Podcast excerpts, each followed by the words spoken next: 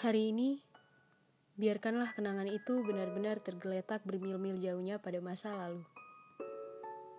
Karena sekali-kali kamu tidak akan pernah tahu siapa dan bagaimana masa depan jika masih terus menjenguk masa lalu.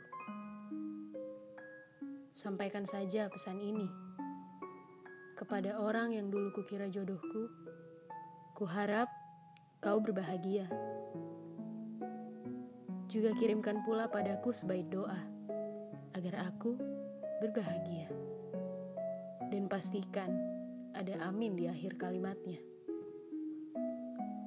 Semoga lagi yang lain mempertemukan kita, yang entah situasi apa ia bernama. Tertanda kekasihmu dari masa lalu.